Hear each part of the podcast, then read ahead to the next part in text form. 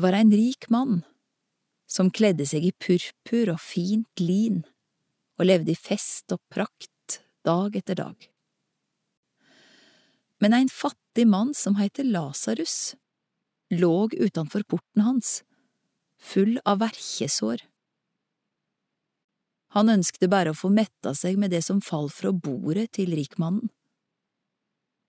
Hundene kom endatil og slikka såra hans. Så hendte det at den fattige døyde, og englene bar han til Abrahams fang.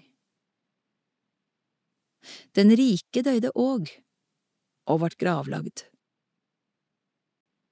Da han slo opp auga i dødsriket, der han var i pine, såg han Abraham langt borte og Lasarus tett inntil han.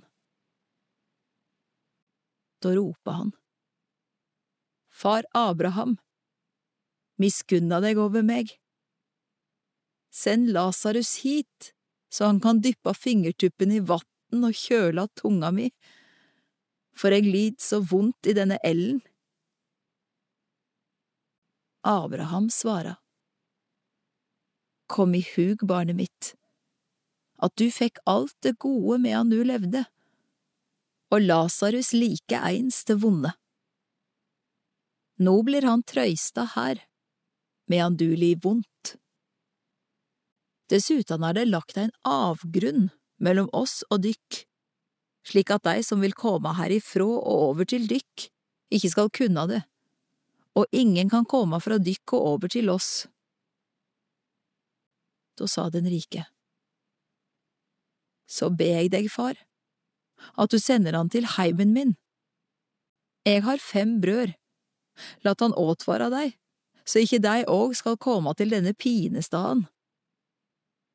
Men Abraham sa, De har Moses og profetene, de kan høre på deg. Nei, far Abraham, svarer han, men kjem det noen til deg fra de døde, da vender de om. Da sa Abraham, Høyrer de ikke på Moses og profetene, så vil de heller ikke la seg overtya om noen står opp fra de døde.